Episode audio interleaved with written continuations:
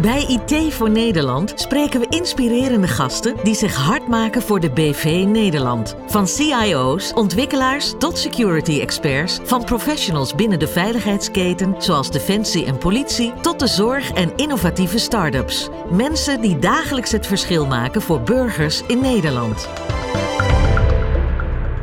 Welkom bij weer een nieuwe aflevering van IT voor Nederland. Mijn naam is Harm van de Ploeg en vandaag ben ik in gesprek met Pieter Vrijns. Welkom Pieter. Dankjewel Harm. Heel leuk dat je bij ons te gast wil zijn. Uh, je bent als hoofdbureau Gateway. Bekijk jij eigenlijk heel veel uh, kritische programma's eigenlijk binnen de overheid. Uh, je doet dat vanuit het uitvoeringsbureau Rijk. wat onderdeel is van het ministerie van Binnenlandse Zaken en Koninkrijke Relaties. Maar je hebt ook tal van interessante nevenfuncties. Je houdt je bezig eigenlijk als extern lid uh, auditcomité voor het ministerie van Defensie. Uh, Raad van Toezicht nog binnen foundation die zich bezig met ASL, BISL. maar ook voor Nijrode. digital leadership doseer je regelmatig. Universiteit van Amsterdam doe je iets vergelijkbaars, maar dan op auditvlak. en volgens mij heb je zelfs nog een aantal andere interessante programma's binnen het ministerie. Eh, Delta Review, een uh, broertje van uh, Gateway Review, het op een ander niveau richt. Met name op projectmanagement niveau, als ik het goed heb begrepen. Um, mm En Mindful Rijk. dus de kwaliteit van het leven van de ambtenaar, denk ik gelijk aan. Um, ja. Je hebt wel eens verteld. Worden een gelukkige ambtenaar. Ja. ja, we doen van alles met het hoofd, maar we moeten ook dingen willen doen die we met ons hart doen. Want heel veel mensen kiezen voor, uh, ja, voor passie, uh, toch wel uh, voor het werken voor zo'n mooie opdrachtgever, denk ik. Ja. Um, dus dat is iets om sowieso bij stil te staan, denk ik, mindful. Um, maar vandaag willen we het eigenlijk met name hebben over Bureau Gateway. Mm -hmm. Iets wat jij volgens mij ja, eigenlijk naar Nederland hebt gehaald, als ik het goed heb begrepen. Ja, ik ben um, ooit, uh, dat weer tijd geleden, september 2009, ben ik uh, als kwartiermaker Rijksbrede Vernieuwingen naar uh, Binnenlandse Zaken gekomen. Daarvoor had ik 16 jaar onder andere bij Defensie gewerkt, een aantal jaar op universiteiten, TU Delft en de Universiteit van Maastricht. Daar ook gepromoveerd, maar dat terzijde. Maar in 2009 naar BZK uh, gekomen um, en toen waren al wat proefnemingen gedaan uh, met Gateway Review vanuit het, het expertisecentrum, waar toen de tijd ook Mark de Helenaar werkzaam was. Die is toen CEO Rijk geworden, de eerste binnen Nederland. En die heeft toen samen met een aantal mensen wat proefnemingen gedaan in, in Engeland geweest. En toen ik binnenkwam was eigenlijk net het besluit van de minister gekomen dat het wel heel raadzaam zou zijn om op grote ICT-trajecten, om daar ook collegiale preventieve reviews uit te voeren. En dat zou eventueel ook gateway kunnen zijn. Nou, en vanuit die insteek zijn we toen begonnen met het opzetten van een gateway review binnen Nederland. Ja. Nou, ik denk sowieso heel mooi om uh, uh, ook op dit niveau binnen de overheid ook ja, peer reviews te hebben. Ik denk dat dat Mhm. per definitie waardevol is. Voor de mens, maar zeker ook voor, voor de overheidsuitgaven is het best wel handig om dat te doen bij bepaalde omvang, denk ik. Um, mm-hmm. Nu hebben we, of kennen we in Nederland natuurlijk ook het BID. Dat heet tegenwoordig anders. Mm-hmm. Maar bureau Gateway, Gateway Reviews, dat is echt, ja, dat, dat, dat, kunnen mensen en organisaties zelf aanvragen. Dat, dat is meer vrijwillig karakter. Ja, ik zou misschien even, want de Gateway Review die is ooit ontstaan in voormalig OGC hè, in Engeland, die ook eigenaar is van Prins 2 en MSP. En eigenlijk is de Gateway een resultante van onderzoeken die ze in Engeland hadden gedaan. In Engeland kwamen ze erachter dat niet alle projecten en programma's even succesvol verliepen. En dat is een understatement, zoals dat zou zelf zeggen. Mhm. Um, en toen zijn ze, zijn ze gaan analyseren waar liggen nou belangrijke aangrijpingspunten om uh, projecten, programma's binnen de publieke organisatie beter te laten verlopen. En toen bleek dat een belangrijk element van de slaag door wel uh, succes uh, faalfactor ligt in de wijze waarop de eigenaar opdrachtgever van het programma zijn of haar rol vervult. Mhm. En het idee wat ze toen hebben opgevat van joh, hoe kan je nou het beste zo'n eigen opdrachtgever helpen in de context waar die ook werkzaam is, dat is eigenlijk het uh, antemeren van een goed collegiaal gesprek. Ja. En dat doe je natuurlijk zelf als professional ook regelmatig. Dat je even een bak koffie uh, gaat uh, drinken met een, een, een, collega van joh, ik, sta, ik zit hiermee of denk dit te gaan doen, wat vind je daarvan? Nou, en eigenlijk is de gateway review methode is gebaseerd op dat principe. En het idee daarachter is dat uh, je het meeste aanneemt en leert van collega's op gelijk niveau, peers, zoals dat zo mooi noemen. Mhm. Waarbij dan ook wordt uh, gekeken van wat uh, is de situatie waar je vandaan komt, waar sta je nu? En wat je van plan bent te gaan doen, is dat realistisch, realiseerbaar, is dat verstandig? En dat is ook de bedoeling van zo'n gateway review. Dus eigenlijk een collegiale review, preventief bedoeld, uh, om eigenlijk vanuit het motto liever vooraf bijsturen dan achteraf corrigeren. Ja. En daar zit natuurlijk de kracht van het instrument. Dat je niet uh, al een besluit hebt genomen, gaat kijken, is dat goed geweest? Maar dat je juist zegt van, nee, voordat ik iets ga besluiten of iets wil, volgende stap wil zetten, kunnen even een aantal collega's vanuit hetzelfde uh, ja, niveau waar ik op werk, is even met me meekijken. En dan niet alleen vanuit mijn eigen discipline, maar juist ook vanuit andere disciplines. Dus bijvoorbeeld als je ICT of een digitaliseringstraject doet, dan zit in een reviewteam, kan iemand zitten uh, die uh, een directeur personeel is, of een gemeentesecretaris is, of omdat je juist op die manier de diversiteit in een reviewteam de kracht moet zijn. Ja. Um, dus de gedachte van een gateway review is van uh, hoe kan ik een collega helpen succesvoller te worden dan dat hij nu al zou zijn als hij ons niet had uh, gevraagd om mee te kijken? Ja. Jij verwees even naar de relatie ook met het voormalig BID. Um, mm-hmm. Dat is natuurlijk ook preventief bedoeld. Uh, en dat is denk ik ook een, heeft ze ook verder nu gecontinueerd. En ik denk ook heel belangrijk is dat dat soort toetsen plaatsvinden om van tevoren te kijken, zijn wij, hebben we de goede startpositie? Ja. Maar het belangrijke verschil tussen bit en gateway zit erin, is dat, de, wat je net al zei, de opdrachtgever-eigenaar van een gateway review, die vraag, van het programma vraagt zelf een gateway review aan. Mhm. Dus dat is een vrijwillige basis, dus niet verplicht, terwijl een bit-toets natuurlijk uh, de opvolgers uh, wel een verplichtend karakter hebben. En het tweede verschil zit erin dat wij een gateway uitvoeren met, met peers van de opdrachtgever. Uh, en kijken vanuit ja, het perspectief van de opdrachtgever. Uh, omdat uh, uh, van, kan ik succesvol zijn vanuit mijn rol als opdrachtgever. Dat betekent dat we wel oppervlakkig naar het programma of project kijken, maar niet de diepte ingaan zoals een BIT dat wel doet, bijvoorbeeld om een, business case goed rond te rekenen, om de technische architectuur goed te toetsen, de ontwerpprincipes anders goed tegen licht te houden en dat soort zaken. Dat is een verdiepingsslag die vanuit de KTR Review niet plaatsvindt. Wij zitten meer op het politiek bestuurlijk, uh, nou, gezegd bestuurlijk, uh, ambtelijk bestuurlijk niveau vanuit de opdrachtgever-eigenaar. Ja. Ja, want ehm, nou, je, je bent manager en eindverantwoordelijk vanuit het Rijk voor bureau Gateway. Mm -hmm. Nou, Misschien mag daar even iets op aanhaken, ja. Harm. Ja, um, want jij benadrukt het Rijk, maar de accreditatie is toegekend aan de minister van Binnenlandse Zaken. En voor deze is dan uh, uh, het ministerie ambtelijk uh, zeg maar, verantwoordelijk. En is mijn organisatie de, de accreditatie slash licentiehouder voor de gateway review binnen Nederland. Ja. Het is op die manier binnen het Rijk ondergebracht in de uitvoeringsorganisatie Bedrijfsvoering Rijk. Maar wij zijn met een eigen boord waarin ook een gemeentesecretaris, een provinciesecretaris, een SG, een voorzitter raad van bestuur van een ZBO, die zitten in uh, mijn board, omdat wij eigenlijk voor de hele publieke taakorganisatie gateway reviews uitvoeren. Dus het is niet een rijksinstrument, uh, het is ook geen controleinstrument, maar het is een reflectief helpend instrument voor de hele overheid. Ja, ja, nou ja dat, dat maakt het denk ik uh, alleen maar mooier. Um, want als ik kijk naar jouw rol, uh, die, die jij als persoon uh, uitoefent. Hè? enerzijds ben je eigenaar mm opdrachtgeversrol binnen bureau Gateway. Um, mm -hmm. Maar het is toch ook een beetje jouw kindje, als ik dat zo mag zeggen.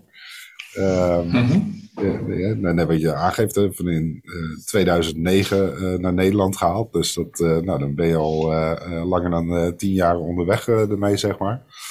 Ehm, maar ben jij ook nog echt inhoudelijk betrokken bij, bij Gateway Review zelf? Ja. ja, ik vind dat als je het doet, moet je ook zelf met de voeten in de klei staan. Dus van het begin af aan ben ik altijd ook zelf betrokken geweest bij uitvoering van Gateway Reviews. Ik doe er zelf twee tot drie per jaar. Ja. Ehm, dus eigenlijk vanuit mijn rol als eindverantwoordelijke gateway review en ook manager van het eh, bureau, uh, heb ik een aantal verantwoordelijkheden. Aan de ene kant moet ik ervoor zorgen dat we onze accreditatie uit Engeland behouden. Uh-huh. En dat is door uh, invulling te geven aan een, de kwaliteit van de gateway review en de uitvoering daarvan. Uh-huh. En dat betekent dat we ook moeten zorgen voor voldoende innovatie van de methodologie en de aanpak. Uh-huh. En het opleiden en uh, op niveau houden van de gateway reviewers uh, met de nieuwe inzichten die we uit de ervaring uit de ketenreviews uh, halen. Want wat wij doen is naast het faciliteren van de voorbereiding en de uitvoering van de gateway reviews. Um, en de reviews worden in principe uitgevoerd door uh, mensen uit de gateway community. Dat is nu een groep van 400 ambtenaren uit het topsegment van de, van, de publieke taken. Wat ik al zei, directeur-generaals, SG's, PSG's, directeuren, GMT-leden bij de gemeente, et cetera. Nou, daar uh, moeten wij natuurlijk ook voor zorgen dat die uh, weten hoe gateway review werkt. Dus dat, uh, maar vooral doen we dat samen met de community het instrument levend houden. Dus ook wij voeren analyses uit over de gateway reviews heen. Ja. wat daar de rode draad uit zijn. Ik noem het altijd maar lessons to be learned. En die delen we ook weer met de mensen in de gateway community, zodat we die inzichten weer kunnen gebruiken bij nieuwe reviews die wij uitvoeren. Ja. Maar ik, ik en daarmee is persoonlijk... gateway dus gewoon onderdeel van de community. Ja. Ja, maar ik vind dat ook heel erg mooi. Want kijk, uh, met IT voor Nederland uh, ligt natuurlijk een beetje in de naam uh, besloten. Ehm, maar als we kijken naar IT voor Nederland, dan wordt natuurlijk heel vaak gekeken van ja, het lerend vermogen is eigenlijk bedroevend slecht van de overheid. IT-projecten altijd moeilijk. we hebben een minister van ICT-zaken nodig. Um, want het gaat allemaal zo slecht. Terwijl er gaat ook heel veel goed. Er gebeuren een heleboel mooie dingen. Uh, maar als ik kijk naar het lerend vermogen, ja, dan wil denk ik ieder uh, dat we daar altijd beter in worden. Hè? Dat je leven lang leert. Ja. Uh, maar ik zie Bureau Gateway wel iets als ja, echt een vlees geworden, heel waardevol instrument in, in die reis. Ja, dankjewel. Ja, ik, we proberen daar in elk geval vanuit het lerend en helpend perspectief een bijdrage aan te leveren. En wat je zegt is dat, uh, en zo zou ik ook G2 Review willen positioneren. We zijn onderdeel van een breed palet van instrumenten binnen de overheid. Mm Controleinstrumenten, verantwoordingsinstrumenten. En wij voegen iets toe vanuit het preventieve en, leren, en ondersteunen van de, het leren. Uh, het steeds beter worden in waar we mee bezig zijn. Mhm. Terecht wat je zegt, hè, uh, uh, het merendeel van de projectprogramma's gaat, uh, gaat goed, maar degenen die niet goed gaan, dat zijn natuurlijk wel dingen die ook meteen opvallen. Ja. Um, en wat daar ook belangrijk in is, als iets niet optimaal verloopt, ja, wij werken, ja, er wordt al gezegd, we leven in een kaastop, dus dat is ook meteen zichtbaar. Ja. En we doen natuurlijk met belastinggeld en dat wil je zo goed mogelijk benutten. En aan de andere kant blijf ik ook zeggen, leren is altijd ondoelmatig, want je leert iets om in de toekomst het beter te kunnen. Um, uh, en ik zie wel, als ik gewoon terugkijk, twaalf jaar geleden en nu, uh, zie ik uh, dat wij op een aantal zaken gegroeid zijn als Nederlandse overheid. maar goed, het kan altijd beter. Dat is uiteraard, je moet altijd blijven leren en altijd blijven verbeteren. Ja, nou ja, er zijn heel veel controlemechanismes door de loop der jaren, denk ik, toegevoegd. Um, wat, wat, wat, goed is, hè? maar inderdaad, ja, evalueren. Uh, vergelijk het inderdaad je, met, uh, met Prins 2. Uh, aan het eind van het project, voor de DCR's en allemaal dat soort dingen, wordt ook, eh, hoort er nog een evaluatie bij. Maar ja. die evaluatie wordt toch vaak, ja, ik wil niet zeggen altijd overgeslagen, maar soms als een soort moedje gezien. En zo'n rapport gaat vaak vooral in de la, waar die nooit meer uitkomt. Um, ja, maar dat vind ik het mooie van de Gateway Review, uh, Harm. Want we zien natuurlijk vaak uh, dat er worden evaluaties uitgevoerd of er uh, wordt gezegd learning from mistakes. Hè, dat je zegt, joh, wat is allemaal fout gaan, wat kunnen we van leren? Er wordt dan rapporten over geschreven. Allemaal waar, waardevolle bewegingen. wat we met Gateway Review proberen, is dat meteen die ervaringen in de praktijk mee te nemen om een collega te helpen. Ja. een reviewteam bestaat altijd uit vier ervaren mensen, peers van de opdrachtgever, een ervaren reviewer die meerdere reviews heeft gedaan, apart opgeleid ook nog als reviewteamleider. En eigenlijk, ik zeg altijd maar gekscherend, zo'n reviewteam bestaat uit uh, mannen en vrouwen die zelf uh, schande, bult en amputaties hebben opgelopen en jou ervoor willen behoeden. Ja. Dus het is geen theoretische boekenwijsheid, maar het is ervaringswijsheid die je meeneemt. Dus eigenlijk als je het heel erg scherp zou neerzetten, zou je kunnen zeggen, learning from mistakes wordt meteen toegepast in de context van het programma waar de opdrachtgever verantwoordelijk voor is. Ja. En dat is ook wat je ziet. Hè? Als wij kijken naar de evaluaties met opdrachtgevers, hebben wij uh, uh, bijna 100% tevredenheid. Er zijn wel eens ook onafhankelijk onderzoek gedaan, ook door de Rekenkamer, ook de andere verzoek van, van ons om zelf te kijken, joh, doen we het goed? En dan krijg je opmerkingen, joh, het lijkt wel Noord-Koreaanse toestanden. Dus hebben alles is positief, wat, hoe, hoe krijg je het voor elkaar? En eigenlijk is daar de opmerking heel simpel.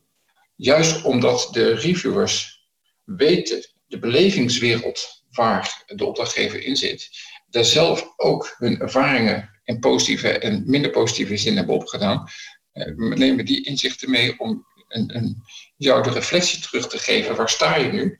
En wat je van plan bent te gaan doen, is dat dan ook ja, uitvoerbaar en, en, en, passend in jouw situatie op dit moment vanuit ons perspectief en onze ervaringen die wij mee hebben genomen en de gesprekken die we hebben gehouden in de Gateway Review. Want in de, tijdens de Gateway Review leest natuurlijk hmm. het reviewteam de belangrijkste documenten. Maar ze voeren ook op maandag en dinsdag en woensdag in totaal 24 gesprekken. Schrijven donderdag het rapport en leveren vrijdag het rapport op bij de opdrachtgever met een mondelinge toelichting. En juist dat beeld uit die gesprekken en documenten. En de, met name ook als daar ja, verschillen zitten in zienswijze tussen de gesprekspartners, mhm. of verschil wat je hoort en wat op papier staat, dat zijn natuurlijk potentiële uh, uh, risico's om, uh, althans succesverlagende elementen kunnen dat zijn. En die benoem je dan ook op die manier. Ja. En, um, want, kijk, we, we, hebben het net eigenlijk even kort over gehad van, we zijn gewend eigenlijk om eerder te kijken naar een soort slecht nieuws. Um, tegelijkertijd, uh, mensen, niet iedereen kan altijd goed tegen kritiek. Hè? Um, Dus het is ook hoe, hoe benader je het, hoe, hoe sta je erin. Um, maar ik denk dat daar ook behoorlijk uh, culturele verschillen zitten. Hè? Want als je bijvoorbeeld kijkt uh, in Amerika, uh, zie je het ook met bijvoorbeeld ondernemers die niet slagen. Ja, die mm. kunnen eerder een lening bij de bank krijgen voor een volgende poging een bedrijf te starten. Want die hebben inmiddels al fouten gemaakt en daarvan geleerd. En dus, dus het leren van fouten, iets fout doen, dat, dat zorgt uiteindelijk dat je ook ja, vooruitgang kan boeken. Ehm, door, zonder wrijving geen glans. Ehm, maar in Nederland is er toch iets, ja, ehm, ik ben zelf bijvoorbeeld ondernemer. En het allereerste wat mijn moeder zei, zal je dat nou wat doen? Je hebt zo'n goede baan. De, de, dus uh, het ondernemend karakter uh, zijn we best wel goed in om in Nederland ja, omlaag te praten. -hmm. En ja, de vrijwillig kader van bureau Gateway. hoe, hoe is de bereidwilligheid, zeg maar, van, van, van ja. Nou, wat wij zien is dat uh, we jaarlijks tussen de 40 en de 50 uh, gateway reviews uh, uitvoeren. Mm -hmm. um, dus in dat opzicht kan je zeggen dat is veel of dat is weinig. Hè? Daar kan je verschillende normen aan hangen. Maar feitelijk is dat gemiddeld één per week. Ja. Um, dan denk ik van nou, dan, dat is toch een redelijk aantal wat we, wat we doen. Maar op de uh, duizenden projecten die lopen kan zeggen, het is maar een, uh, een speldeprik. Maar goed, het, het, het, het, is wel een aantal wat we hebben. Ja. En wat we zien is dat de collega's die de review aanvragen ook heel nadrukkelijk uh, behoefte hebben en de wens uiten om een stukje reflectie te krijgen om beter te worden in wat ze aan het doen zijn. Ja. en niet alleen voor het programma zelf, maar ook voor uh, aanpaalde programma's of nieuwe programma's waar ze straks verantwoordelijk voor worden. Dus ze zijn wel degelijk, hebben ze de vraag, kun je mij een reflectie geven en, mij wat uh, elementen meegeven. Tweede wat een, een, een mooie is, we hebben nu natuurlijk een community van 400 reviewers. Mhm, mhm. Ehm, die melden zich ook zelf aan. Die gaan we niet actief recruteren, maar die vragen zelf ook vanuit de eigen ervaring of als opdrachtgever zelf van een review of via andere geluiden van: Goh, ik zou wel als reviewer willen worden. Ja. dus er zit een hele hoge verbinding met het instrument, met de methode en met het uh, reflecterend leren gedachten goed. En een van de dingen waarom het zo leuk is, want daar heb ik natuurlijk ook onderzoek naar gedaan, wat is de reden waarom je een reviewer wil worden? Nou, er zijn een aantal uh, hele concrete uh, redenen voor. Uh, en een van de redenen is, een gateway review is legitiem gluren bij de buren. Ja. Um, ja. Dus het is kijken hoe het daar gaat en dan kijken van, kan ik daar ook misschien zelf weer wat van leren? Nou ja, je leert sowieso al van het multidisciplinaire reviewteam, dus je leert ook van elkaar. Uh, Van hoe mensen tegen de situatie aankijken vanuit de andere ervaring, vanuit de andere uh, viewpoint. Um, dus ook in het team zelf wordt er geleerd. En de reviewers geven ook aan dat ze zelf heel veel leren van een gateway review. Dat vragen we ook altijd na afloop van een gateway review. Dan voeren we ook een evaluatie met het team uh, uit. En nou, een van de elementen is toch, wat neem je zelf mee van deze gateway review? En iedereen neemt wel weer een eigen één of meerdere leerervaringen mee. En daarmee uh, is het ook leuk om te doen, om, uh, uh, om reviewer te zijn. Ja. En daarmee is het een indirecte, het is een, het is een directe bijdrage aan de lerende overheid, maar een indirecte ook impuls aan het verbeteren van project-programmamanagement. Als je bij andere mensen ziet wat, wat, goed gaat of minder goed gaat, kan je bij jezelf ook wel eens kijken, hoe gaat het bij mij? een aantal, van de week had ik een evaluatie in een review team. En dan zei een van de reviewers, die zei, ja weet je, bij mij merken ze altijd als ik weer een review heb uitgevoerd. Ik zeg, hoezo dan? Nou, dan kom ik weer met vragen die ik daarvoor niet stelde, omdat ik denk van, hé, hey, ik heb daar wel gezien, maar is het bij ons wel op die manier goed georganiseerd en geregeld? Doen wij dat zelf wel goed? Ja, frisse um, energie. Dus daarmee. Ja. ja, precies. Ja.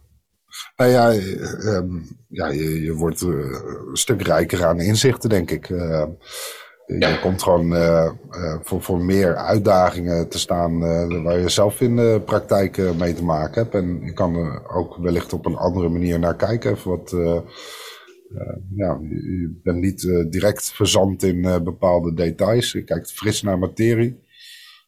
en hoort inderdaad ook je collega's erover. en hun gedachtegang. Dus ook vanuit een ja, andere achtergrond. Ja, ik denk heel waardevol. Maar ook heel erg leuk, uh, ook vanuit jouw rol, om dat uh, zo twee, drie keer per jaar uh, te mogen doen, lijkt mij. Absoluut, absoluut. Ja. Voor mij is het net zo leerzaam en misschien nog wel leerzamer dan voor de andere collega's. het is gewoon. Um, maar het is ook heel fijn dat je met een team van vier ook een collega weer een stukje verder kunt helpen. Ja. Want het leuke is, want toen wij begonnen met Gateway Review, werd was de vraag gesteld wanneer is uh, uh, review niet meer nodig? Want we werden ingezet om de kwaliteit en slaagkans te vergroten van projecten en programma's. Mm um, dat heb ik ook toen een tijd tegen de commissie Elias gezegd. Er zitten twee elementen aan. Ik weet niet of wij goedkoper en sneller worden door review, maar wel realistischer. Um, omdat we soms toch denken dat we iets sneller kunnen dan in de praktijk kan, of dat we het budgetteren op het minimum of misschien zelfs wel eronder en toch aan uh, moeten starten. dus in dat opzicht helpt het op die manier. maar het tweede is ook, waarom zou Gateway niet meer nodig zijn? Omdat we eigenlijk invulling geven aan iets wat elk mens heeft. Namelijk zijn eigen blinde vlekken en zijn eigen koker waar die in zit. Dus de kracht van de Gateway Review zit hem heel nadrukkelijk in de reflectie van buitenaf. wat je krijgt, die jij zelf uh, altijd je eigen blinde vlek op hebt. Wij zeggen wel eens gekscherend, een review haalt even de vis uit het water om te laten zien in welk water die zwemt. En, en, dat is een beetje het idee van de gateway review. Uh, dus gateway review zal niet uh, ooit stoppen in de zin van dat het niet nodig zou zijn. Het zal zich wel doorontwikkelen in de methodologie en in de instrumenten die we inzetten. Maar een reflectie van buitenaf uh, is altijd heeft altijd toegevoegde waarde ten opzichte van alleen maar de reflecties binnen de eigen omgeving. Ja. Maar jullie worden natuurlijk ook niet altijd voor uh, de, de minste programma's gevraagd. Hè? Want uh, per definitie zullen ze dat doen wanneer een bepaalde complexiteit bereikt. Um, ja. En nu zitten we natuurlijk in ja, overheid het gaat eigenlijk over maatschappij. Het raakt zoveel verschillende zaken. Ehm, mhm. de, de, de, keten is al heel gauw complex. Um, maar eh, als ik dan bijvoorbeeld kijk naar het bid, waar een, bepaald verplicht karakter, dan heb je natuurlijk hele duidelijke scheidinglijnen vanaf. Dan moet je een toets doen. Um, ik kan me voorstellen dat je, net zoals je een soort risico-impact-analyse maakt, um, op een bepaald moment moet er eigenlijk een lampje bij iemand gaan branden van, goh, misschien is nu een gateway review handig. Heb je daar een bepaalde uh, lijn in of zo, dat je zegt... Uh, dit, zijn bepaalde kenmerken, dan, dan is het geschikt voor een uh, gateway review? Ja, wat wij doen vanuit het gateway review benadering hebben wij een, we noemen het een gateway review proces dat we lopen. Dat begint eigenlijk met een aantal gesprekken en uiteindelijk leidt het tot een intakegesprek waarbij we zeggen of wel of geen gateway review het, het meest handige instrument is. Ja. Um, we gaan eigenlijk in gesprek met een, uh, potentiële uh, opdrachtgever voor een gateway review. En gaan eigenlijk eerst maar het speelveld of het probleemveld, of hoe je het wil noemen, eerst maar eens verkennen. Van wat is de bedoeling van deze, dit programma, waar moet het aan bijdragen, in welke situatie, welke context vindt dit plaats, zowel bestuurlijk, maar ook sociaal, maar ook relationeel, cultureel, et cetera. Om een beeld te krijgen wat de echte situatie is. Ja. Um, daarnaast kijken we ook uh, want uh, Gateway Review is natuurlijk uitgevoerd uh, van peers van de opdrachtgever. Dus dat de opdrachtgever op het juiste niveau zit. Dat je ook een peerrelatie kunt opbouwen tussen de opdrachtgever en het reviewteam. Mm Maar het belangrijkste is, we hebben gezegd, Gateway Review wordt ingezet op hoogrisicoprojecten, programma's binnen de overheid. Mm En wat, je, wat een hoog risico is, die werd in het verleden vaak gedefinieerd in financiële termen, hè, van minimaal 2 miljoen, 5 miljoen, 10 miljoen, et cetera. Mhm. Maar vanuit het gateway-perspectief wordt hoog risico eigenlijk breder gedefinieerd ook. Dat we zeggen, ja, het kan financieel zijn, maar het kan ook uh, uh, een maatschappelijke uh, impact zijn. Het kan ook het imago van de overheid zijn. Het kan ook een project zijn die misschien financieel, financiële omvang wat kleiner is, maar die zo randvoorwaardelijk is voor, voor zoveel veranderprocessen en andere programma's, dat hij daarmee eigenlijk een hoog risico impact heeft gekregen. Uh, niet het project op zichzelf, maar wel de noodzaak van de uitkomst van dat project voor andere trajecten waar ook aan gewerkt wordt. Ja. Dus uh, in de intake wordt heel nadrukkelijk uh, afgetast of we dan te maken hebben met een hoog risico project of programma. Dat ook past binnen. en of de timing ook goed is. Hè? Want we hebben voor de uitvoering van de gateway review in principe tien weken voorbereidingstijd nodig. En dat is niet dat we tien weken ermee bezig zijn, maar we hebben eerst intake. Dan gaan we de review teamleider zoeken. Die gaat een, een, uur met de opdrachtgever praten. En daarna nog een keer het hele review team gaat met de hele opdrachtgever praten. Vanuit Pro Gateway wordt de review teamleider gezocht. Vanuit Pro Gateway stellen we ook het uh, team samen, hè, vanuit de Gateway community. Mm -hmm. uh, maar die opdrachtgever moet ook een goede gevoel erbij hebben. Maar het uh, review team moet ook op goede vlieghoogte komen. Nou, waarom dan die 10 tot 12 weken die we nodig hebben? Dat heeft aan de ene kant te maken dat al onze reviewers, hè, eh, inclusief ikzelf, dat wij uh, gewoon een lijnverantwoordelijkheid hebben. Dus wij kunnen niet zeggen, oh, maak volgende week even een hele week in de agenda vrij. Want een gateway review vraagt gewoon een week in je agenda. Hè. Wat ik al zei, maandag, dinsdag, woensdag de gesprekken, donderdag schrijven, vrijdag opleveren. Mm -hmm. uh, maar we willen natuurlijk ook in de reviewweek 24 mensen op die maandag, dinsdag, woensdag kunnen spreken. Ja. En ook die mensen die we willen spreken hebben vaak drukke, drukke agenda's. Nou, als je dat te snel wil doen, krijgen die mensen ook niet, logistiek en administratief gezien, op die drie dagen ingepland. Dus het is een combinatie van elementen. Hmm. Van zowel het reviewteam moet ze agenda vrij kunnen maken, moeten mensen kunnen spreken. Maar een derde, zeker niet onbelangrijk element, is dat we vanuit de intake naar de assessment meeting, naar de planningsmeeting, daar zit wat tijd tussen. Maar ook de opdrachtgever, die wordt iedere keer wel weer uh, getriggerd door de vragen die in de verschillende gesprekken worden gesteld. Van wat wil ik nou precies uit deze categorie verhalen? Waar word ik nou het meest mee geholpen? Omdat ook in die gesprekken allerlei vragen worden gesteld vanuit of de intaker, of vanuit de teamleider, of vanuit het team, die ook de opdrachtgever weer tot nadenken zetten. Dus ook dat je een volwassene vraag uh, krijgt. Ja. Ja. ja. ja.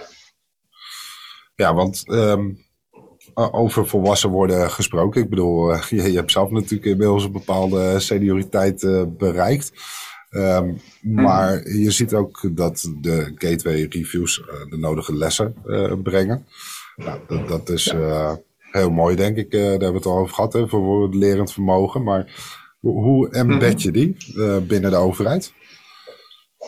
Nou, op verschillende manieren. En wij noemen dat niet lessons learned, maar lessons to be learned. Hè? Want als we mhm. ze zouden hebben geleerd, dan zouden ze niet meer tegenkomen. Eh, mhm. Vanuit uh, de verbeterperspectief. Ja.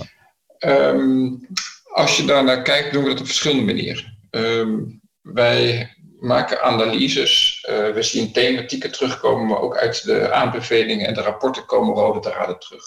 Mhm. Nou, daar, die, die rode draden die bespreken we in zogenaamde verdiepingssessies en themasessies binnen de Gateway Community.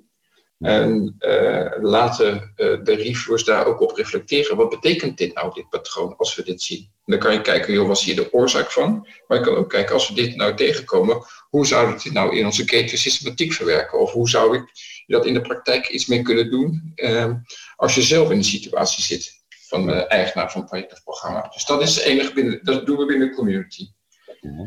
Daarnaast organiseren wij uh, voor één keer per jaar een gateway-congres, waarbij de community wordt uitgenodigd en waarbij we dan bepaalde thema's centraal stellen om in groepen met elkaar te bespreken. Wat ook gebeurt is dat we met kleine groepjes uit de community kijken van als we dit nu zien, en dat is bijvoorbeeld, en laat ik teruggaan naar 2010, toen hadden we ook wat rode draden uit de Gateway Reviews, toen zagen we toch uh, in heel veel rapporten staan, even in mijn woorden, gegeven de context doet het zo slecht nog niet. Dat betekent eigenlijk, uh, uh, je bent niet optimaal bezig, maar het antwoord was eigenlijk, ja, je bent onder slecht gesternte gestart. Uh, je, bent nog niet afgebrand, maar succesvol ga je toch niet zijn met de wijze waarop je nu in de context staat. Ja. Dus we gaan kijken hoe kunnen we het dan ver, verbeteren. En met een tiental reviewers uit de community hebben we toen de Gateway Starting Gate ontwikkeld. Dus dat is niet een programma of project Gateway Review die we uit Engeland hebben gekregen, maar is eigenlijk een Gateway Review die we uitvoeren voordat je een programma überhaupt start. Bijna in de beleidsfase waarbij je de vraag stelt: zijn er randvoorwaarden aanwezig om dit beleid of deze verandering of deze strategie te kunnen implementeren? Ja. En zo ontwikkelt ze dat dus ook in het instrumentarium van de Gateway Review door. We hebben de Gateway Health Check ontwikkeld. Dat is weer omdat heel veel veranderingen plaatsvinden. Uh, zonder dat je een projectprogramma hebt, maar omdat uh, van professionalisering, kwaliteitsverbetering. Maar soms ik gezegd, joh, zit, is hier ruimte voor verbetering? Hè? Dus hebben we daar de Gateway Health Check voor ontwikkeld. Dat is, uh, de vraag is dan, uh, is, uh, we krijgen een optimalisatievraagstuk. Hè? Is er ruimte voor verbetering, voor optimalisatie?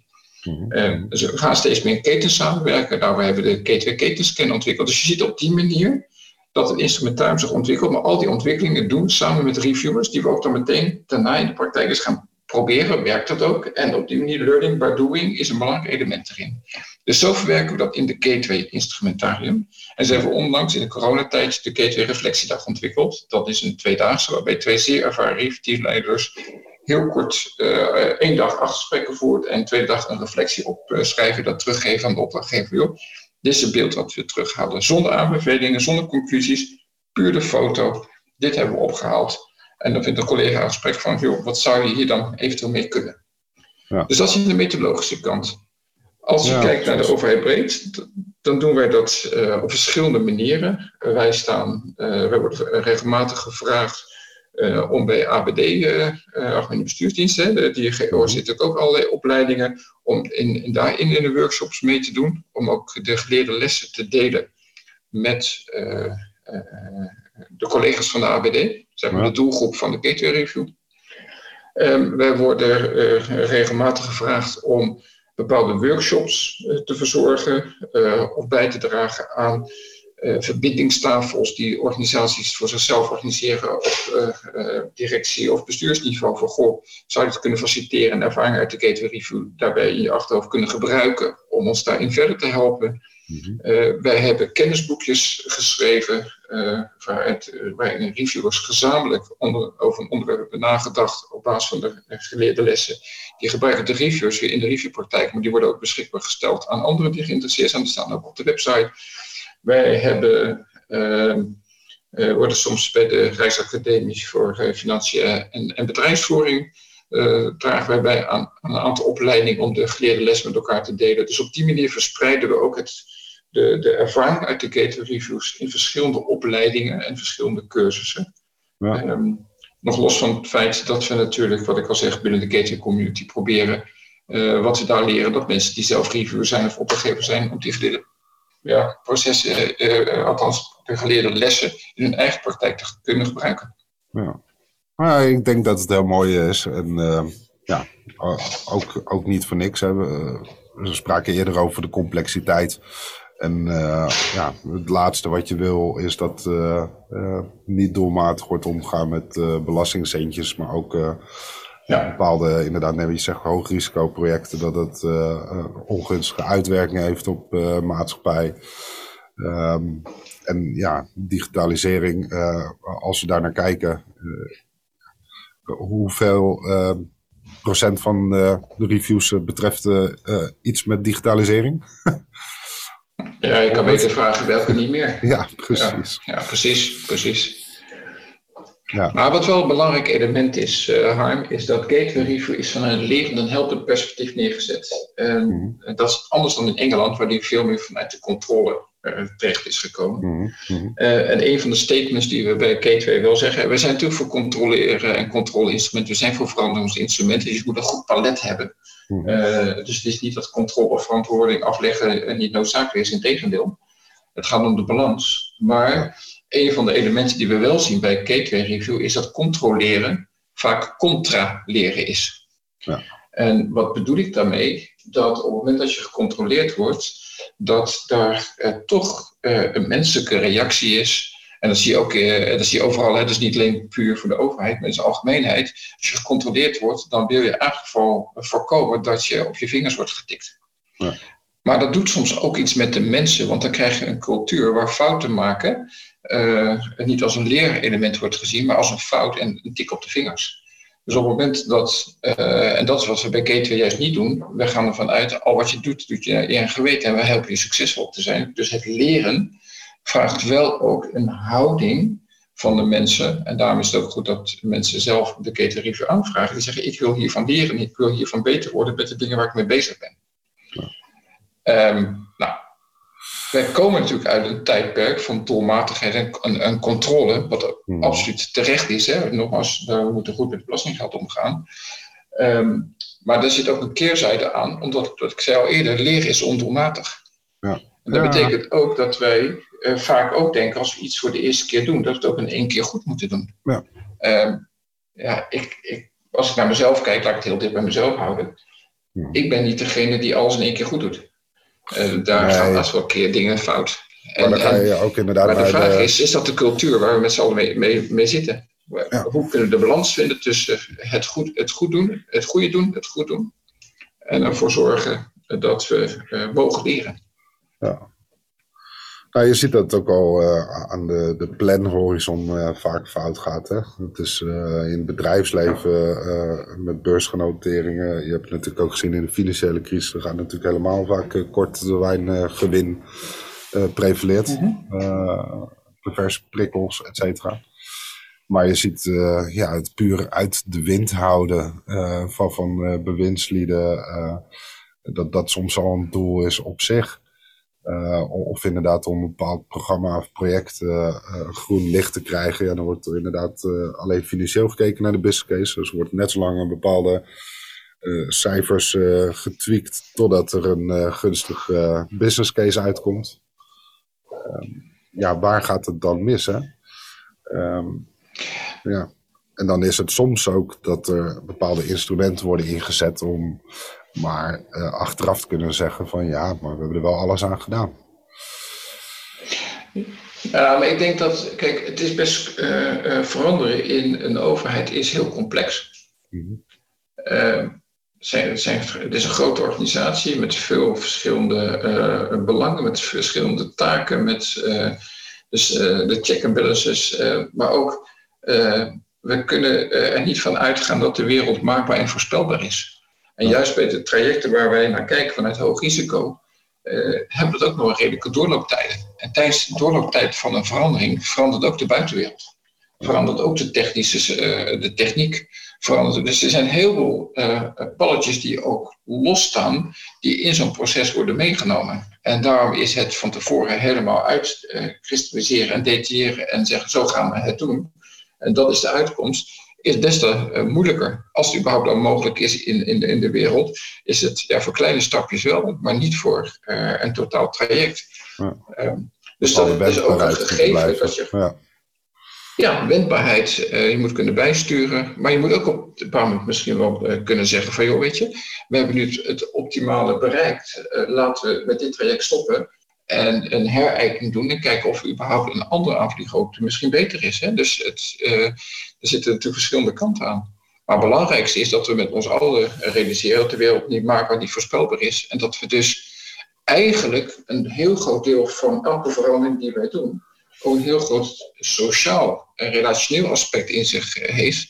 Om namelijk ervoor te zorgen, hoe gaan we om met de onvoorspelbare? En dan zit hem veel meer in de wijze waarop we samenwerken eh, dan eh, de technieken en de processen en de procedures die we volgen. Ja.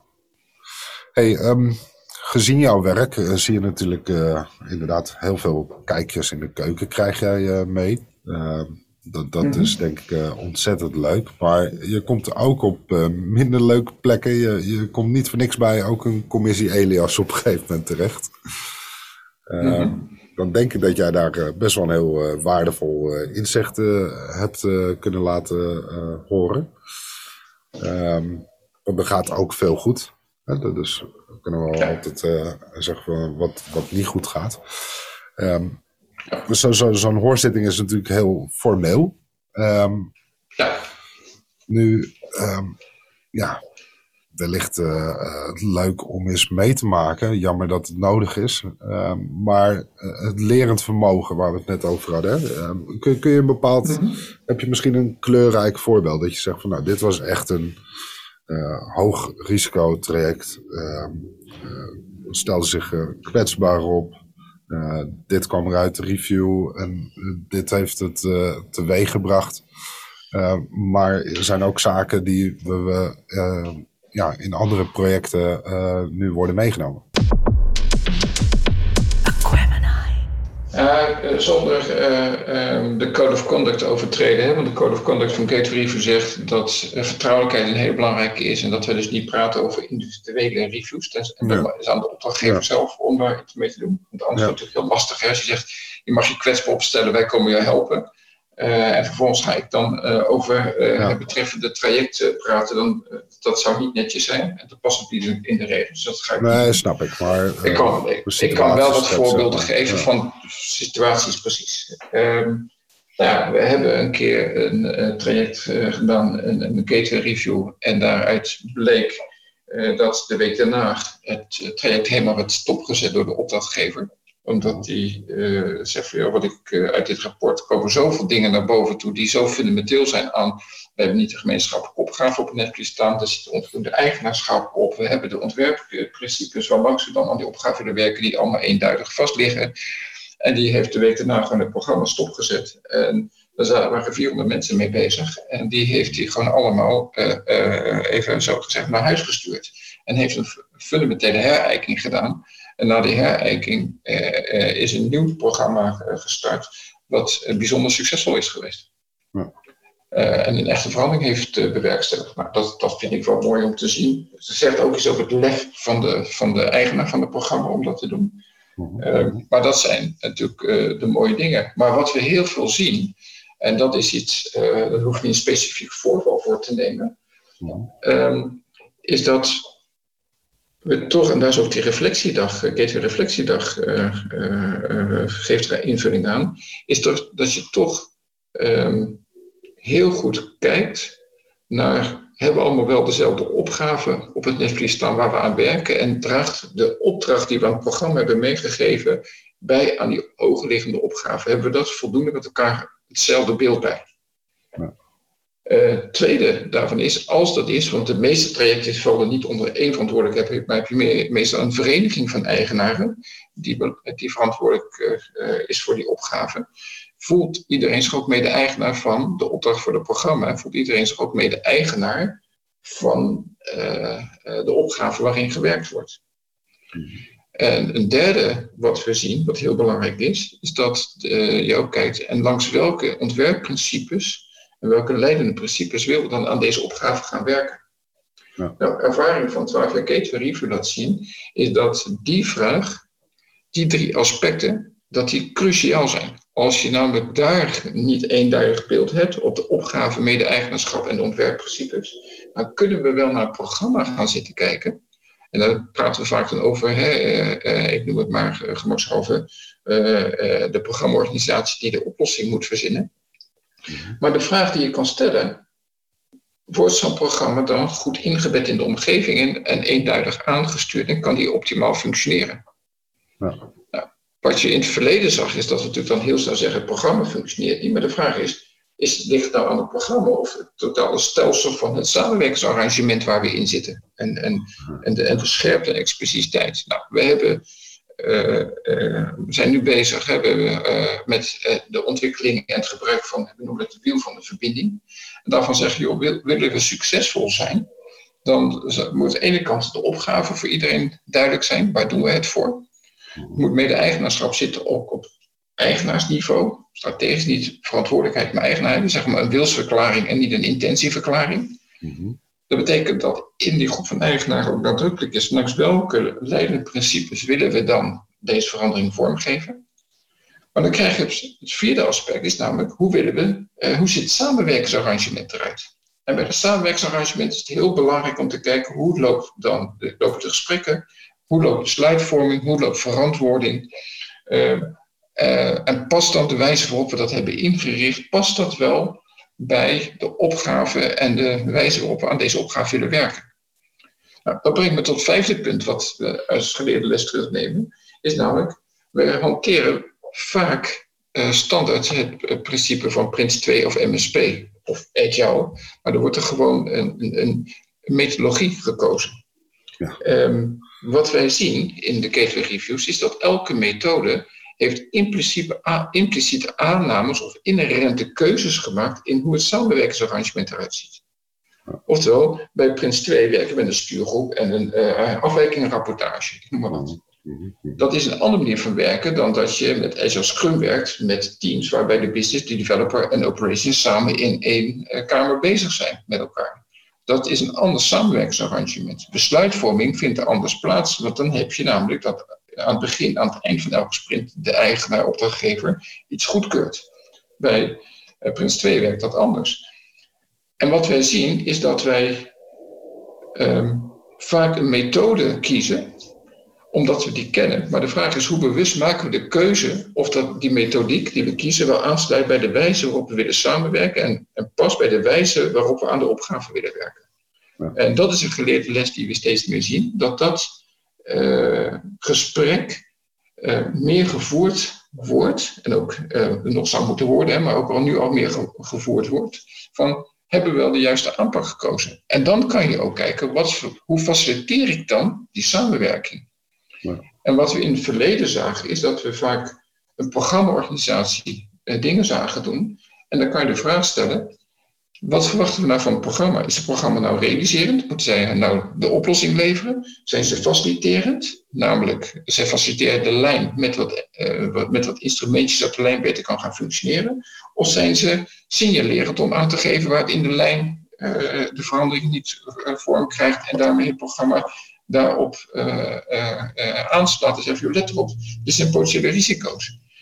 Het explicieter maken van eh, de rol van zo'n programmaorganisatie of van een ondersteunende organisatie, dat eh, zie je dat er steeds meer gaat, eh, gaat gebeuren. En hetzelfde geldt ook dat we steeds explicieter natuurlijk de vraag gaan stellen als je een opdracht verstrekt. Is het nou, doe het met mij, doe het voor mij of doe het namens mij? Want afhankelijk van of je voor mij doet, met mij doet of namens mij doet, maak je ook andere afspraken tussen opdrachtgever en opdrachtnemer. Uh, nou, dat zien we dus in de praktijk gebeuren, dat dat nu verder geëxpliciteerd wordt. En daarmee zie je dus ook de slaagkans van het trajecten beter worden en de dialoog beter ontstaan. Ja, um, inderdaad. Ik kan uh, heel goed uh, inbeelden dat, dat dat redelijk fundamentele punten zijn om te kijken. Um, zeker als je, het hebt al, als je al niet weet waar het eigenaarschap ligt, dan wordt het al lastig. Maar als je het hebt over welke methode kies je bijvoorbeeld van, van werken, Prins 2 bijvoorbeeld. Mhm. daarin zie je dat we als overheid inderdaad gek zijn, en ook buiten de overheid trouwens. Gewoon, dat komt al voort, denk ik, uit lineaire ehm, opvoeding. Um, we, we, zijn gek op richtlijnen, kwaliteitsraamwerken. Um, en die ontwikkelen zich ook wel door. Maar daar buiten de lijntjes kleuren, daar wordt natuurlijk ook gauw bestraft. Um, maar ik denk dat het ook veel te maken heeft haar met de bewuste keuze hè, die je maakt. Um, uh, en hoeveel tijd heb je om die bewuste keuze te maken? Um, maar om een heel ander voorbeeld te nemen, als je kijkt naar, even los van de gateway review, als je kijkt naar het gebruik van algoritmes, kan je ook de vraag stellen: zet ik nou een algoritme in om een beeld te vormen? Gebruik ik nou een algoritme om mijn uh, besluitvorming te ondersteunen? Of laat ik het algoritme het besluit nemen? Dan moet je een bewuste keuze in maken. En dan stel je andere eisen aan het algoritme en hoe je het algoritme inbedt in je uh, omgeving. Nou, datzelfde geldt voor uh, als je een verandering gaat doen. Wat verwacht ik dan van mijn programmaorganisatie? Of wat verwacht komen we bijna weer op een mindful rijk terecht. Met bezint uh, vorige begint en uh, ja. ja. Het is gewoon even stilstaan bij. Ik denk dat dat sowieso, als je kijkt naar het uh, K2 review, dat is gewoon even los, even wat meer afstand van, van die tekentafel. Wat ben je nou eigenlijk aan het tekenen? Ja, dat, dat op zich is al. Ja, het is eigenlijk. Nou, maar dat is denk ik het belangrijkste element. Hè. Wij zijn natuurlijk in de hectiek en in de drukte. Uh, is iedereen met goede bedoelingen uh, continu bezig. Ja. Um, en dan kom je toch weer op de menselijke kant. Wij zijn als mensen hebben onze eigen drive, we hebben onze eigen blinde vlekken. Uh, maar ook samenwerken is niet altijd even eenvoudig. Zeker in de hectiek, als iedereen los dingen van elkaar doet, die moet ook weer bij elkaar komen. En een van de belangrijkste elementen is hoe stuur je in en op samenhang. En hoe stuur je dan eh, eh, op samenhang en samenwerking. Ja. En dat vraagt af en toe tijd. Dat, uh, een van de rapporten die ik ooit uh, met een team heb mogen schrijven, had als ondertitel meegegeven: Stoppen zonder stilstaan. Ja. En, en, en dat is wat je met een gateway ook doet. Je zet niet het proces stop, maar, uh, uh, dus je gaat wel door, maar je pakt even een reflectiemomentje van uh, hoe staan we er nu voor? En wat is nu het meest logische? Wat de logische volgende stapjes die we kunnen zetten om, en zijn we nog op de goede weg? En weten we allemaal nog, zijn we allemaal met hetzelfde bezig? het is een soort van even een, ja, als je hem aan mindful zou uh, koppelen, hebben een, een, een retraite van, van, van, een, van een dag of van een week, uh, om even de, de, de, de, klokken weer gelijk te zetten. Ja, ja. Nee, want het is, uh, ja, ehm, als je kijkt naar de uh, veranderende opgaven die er allemaal liggen, ehm, ja, die, die zijn gewoon groot. En er zijn een groot aantal programma's, projecten die er worden geleid. Ehm, dus het is continu in beweging. En dan is het inderdaad, als je de hele tijd uh, aan het hollen bent, uh, zonder te weten waar je dan op een gegeven moment precies weer naartoe rent. Want je hebt al een paar andere afslagen genomen. Ja, dan wordt het op een gegeven moment steeds moeilijker. Nou, maar het, is de vraag, eh, want dan, dan uh, label hem negatief alsof je niet weet waar je naartoe bent. Maar de, de vraag eh, veel meer is dus, omdat elke verandering doet twee dingen. Het is namelijk een sociaal event, of een sociaal laboratorium waar iedereen in zit. Want we gaan met een aantal mensen dingen voor elkaar krijgen. dus je moet zorgen dat je het ook als team kan doen en dat je ook als team scherp blijft en elkaar erop kunt attenderen. Uh, en het team is zowel opdrachtgever, eigenaar als de mensen die in de uitvoering bezig zijn om het vorm te geven. Uh, dus dat is echt een, een, een, een, een belangrijk uh, element. En het tweede is, uh, elk besluit wat je neemt, kiezen betekent uitsluiten, betekent dat je bepaalde andere dingen niet hebt besloten niet te doen. Nou, en de, in de hectiek van de dag, waar mensen altijd in zitten. Um, en dat geldt niet alleen voor de overheid, dat geldt in zijn algemeenheid. Um, is natuurlijk de vraag hoe bewust en hoe expliciet heb je die keuzes gemaakt? En wat we bij Gateway zien, is dat we natuurlijk heel veel als mens, en dat geldt natuurlijk dan ook voor de trajecten binnen de overheid, is dat we een aantal elementen gewoon impliciet of uh, onbewust doen. Uh, of ons niet bewust zijn dat we bepaalde dingen uh, daar een, een, een, besluit hebben genomen die met grote impact naar de toekomst toe, of die we misschien nog met iemand hadden moeten communiceren, omdat er zoveel mensen bij betrokken zijn. Dus de Gateway heeft met name ook tot doel om het wat onbewust gebeurt wat bewuster te maken. En wat impliciet gebeurt, wat explicieter te maken. In de hoop dat je er dan ook op een andere manier op gaat sturen en, en, en met elkaar gaat samenwerken. Hey, en nou heb jij um, door je rol, heb je, krijg je natuurlijk al allerlei prikkels om jezelf te ontwikkelen. Um, ja. Hè, want je komt gewoon concreet de ervaringen van anderen uh, en die toets je ook. Um, en ook inderdaad aan, aan, je eigen situatie kan je dat dan weer mooi spiegelen. Um, dus je ziet, uh, wat je mooi aangaf, een mooi beeld, natuurlijk een heleboel foto's. Mm. Als je naar je eigen foto kijkt, hè, ik bedoel, ooit begonnen psychologie, lerarenopleiding, defensie, nou sta je hier. Um, wanneer zeg jij, um, dit heb ik toch mooi bereikt, um, ik ben eigenlijk klaar. Wat, wat, hoop je nog te, te doen? Hoe ontwikkel jij je? Nou, voor, ik heb ooit in een interview gezegd, en dat geldt voor mij nog steeds, is dat mijn hele leven is een, een, een leerweg. Dus volgens mij stop ik met leren als ik de laatste adem heb uitgeblazen. En dat hoop ik ook zo. Mm -hmm. um, en dat heeft ook te maken met dat wat ik gestudeerd heb, is levenslooppsychologie. Uh, omdat ik denk dat de mensen altijd uh, blijven leren en veranderen. En ook als je iets niet meer kan, hè, we zijn vaak dan uh, negatief voor de oud, je gebreken.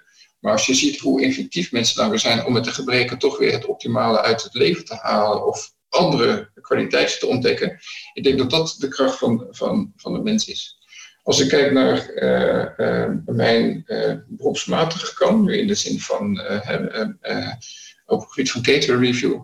Mm-hmm. Ja, wat ik het mooie vind is dat catering review gewoon één leerproces op zichzelf is. Dus los van het helpen van collega's, maar ook leren uit de analyses dat we bespreken met collega's, het doorontwikkelen van de methode, het met elkaar inzichten delen. Maar ook, we presenteren die ook af en toe op internationale congressen, de resultaten en daar weer feedback krijgen van andere uh, mensen, ja, dat blijft me energie geven, want ik denk dat die reflecties veel doen.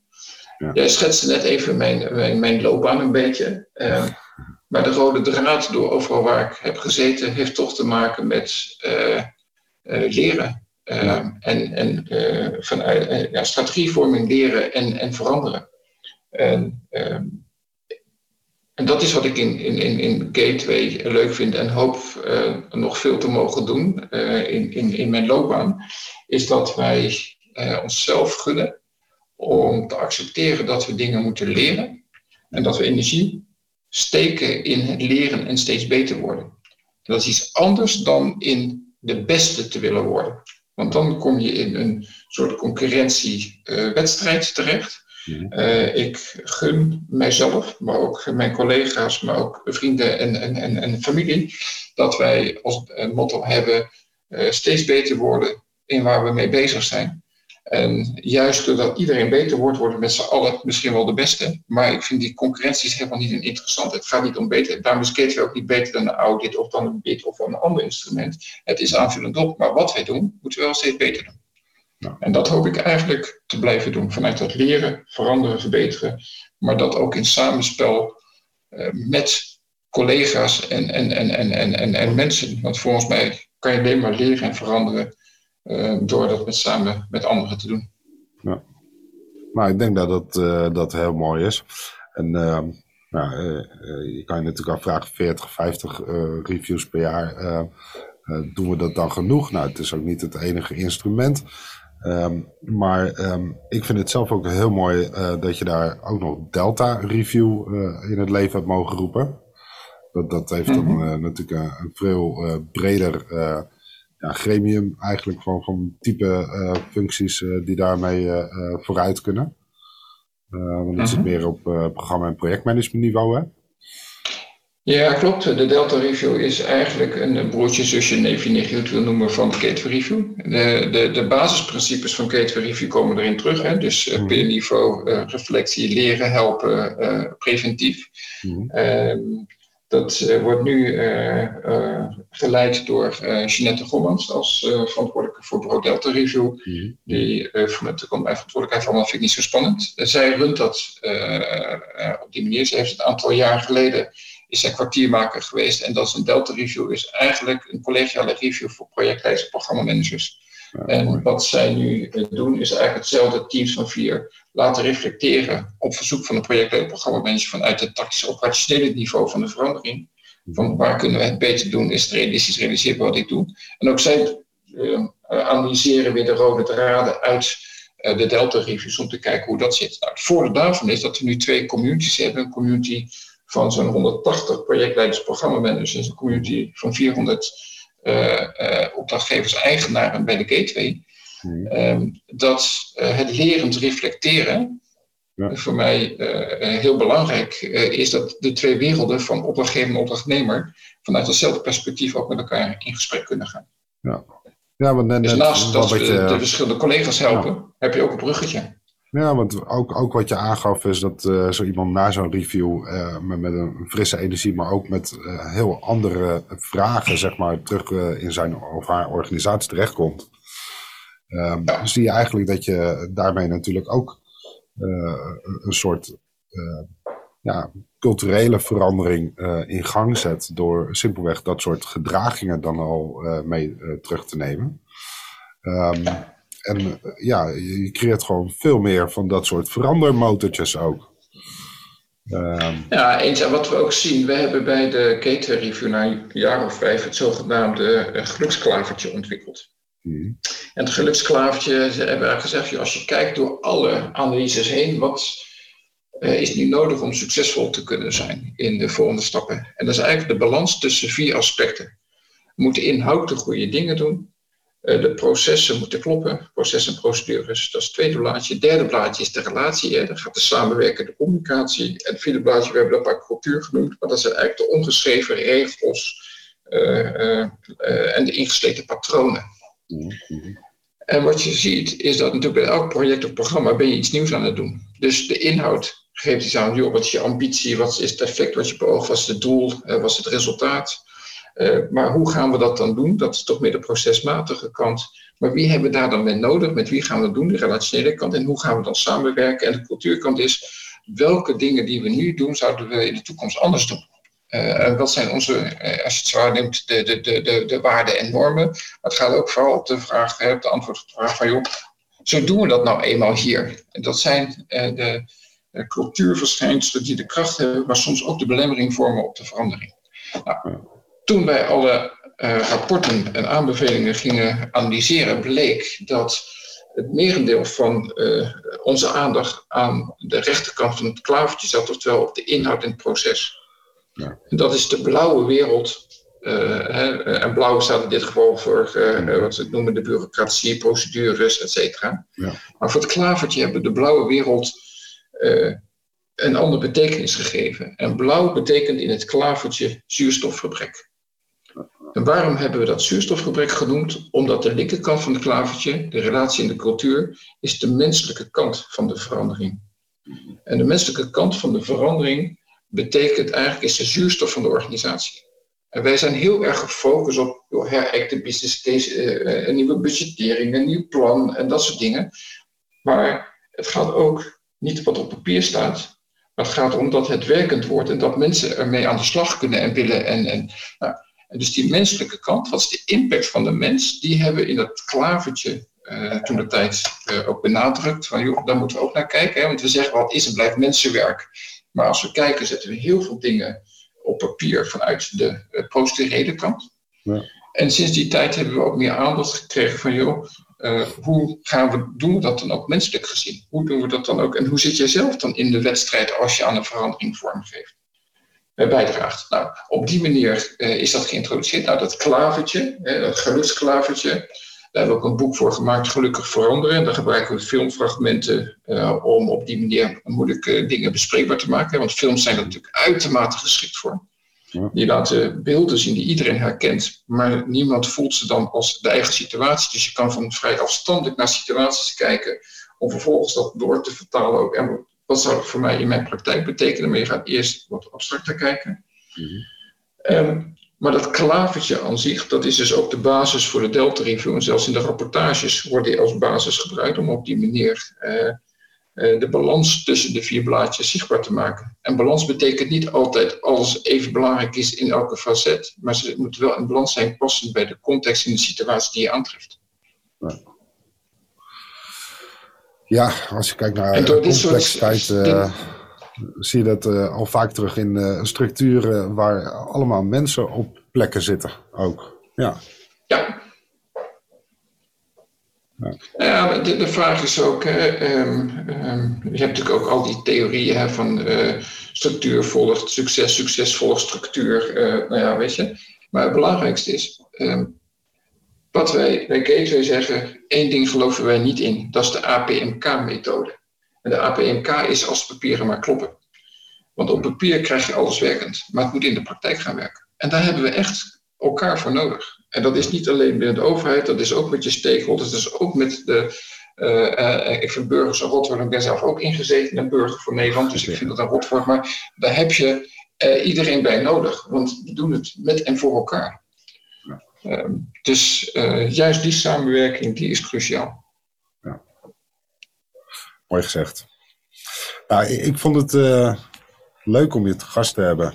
Ik denk dat wij uh, best wel heel erg lang uh, hierover door kunnen praten, Pieter. En um, mm -hmm. wellicht moeten we dat ook gewoon, gewoon doen. Ehm, maar dan even buiten de podcast of nog een tweede mhm. podcast mm -hmm. plannen. dat kan er gerust ook. Um, ik vond het in ieder geval heel leuk om mee te krijgen hoe jouw eh, reis eruit hebt gezien, maar ook zeker wat je met bureau Gateway voor elkaar bokst. En ik denk dat ja, menig CIO, kwartiermaker, programmamanager gewoon echt geholpen is bij dat soort reviews. en daarmee indirect, net wat je zegt, als ingezetenen, zijn we er allemaal bij geholpen. Ja, uh, graag gedaan, uh, Harm. En misschien het laatste wat ik uh, aan deze podcast zou willen toevoegen. Mochten mensen die dit horen geïnteresseerd zijn om de lessons to be learned of andere vragen hebben, kunnen ze uiteraard gerust contact opnemen of met Bureau Gateway of met jou, neem ik aan, om ons in, met elkaar in contact te brengen. En ja. te kijken wat we voor elkaar kunnen betekenen om de, de overheid en de dienstverlening vanuit de overheid eh, gezamenlijk weer eh, beter te maken. Ja. Nee, die, eh, die verbinding leg ik graag. En die lessons learned. we zijn met een hoop mensen bezig die op bepaalde plekken daar gewoon heel veel baat bij hebben. Dus ja, lessons learned moeten zeker zo breed mogelijk gedeeld worden, vind ik. Ja, lessons to be learned. Ja. Exact. Ja, ik wil je niet ja. corrigeren, maar dat is nee, het wel. Ook, uh, de ja, lessen doen wel goed. oh, dat zeggen we daarna weer. Ja. hey, uh, ik vond het leuk, Pieter. Dankjewel. Dat is wederzijds en uh, dankjewel voor dit gesprek.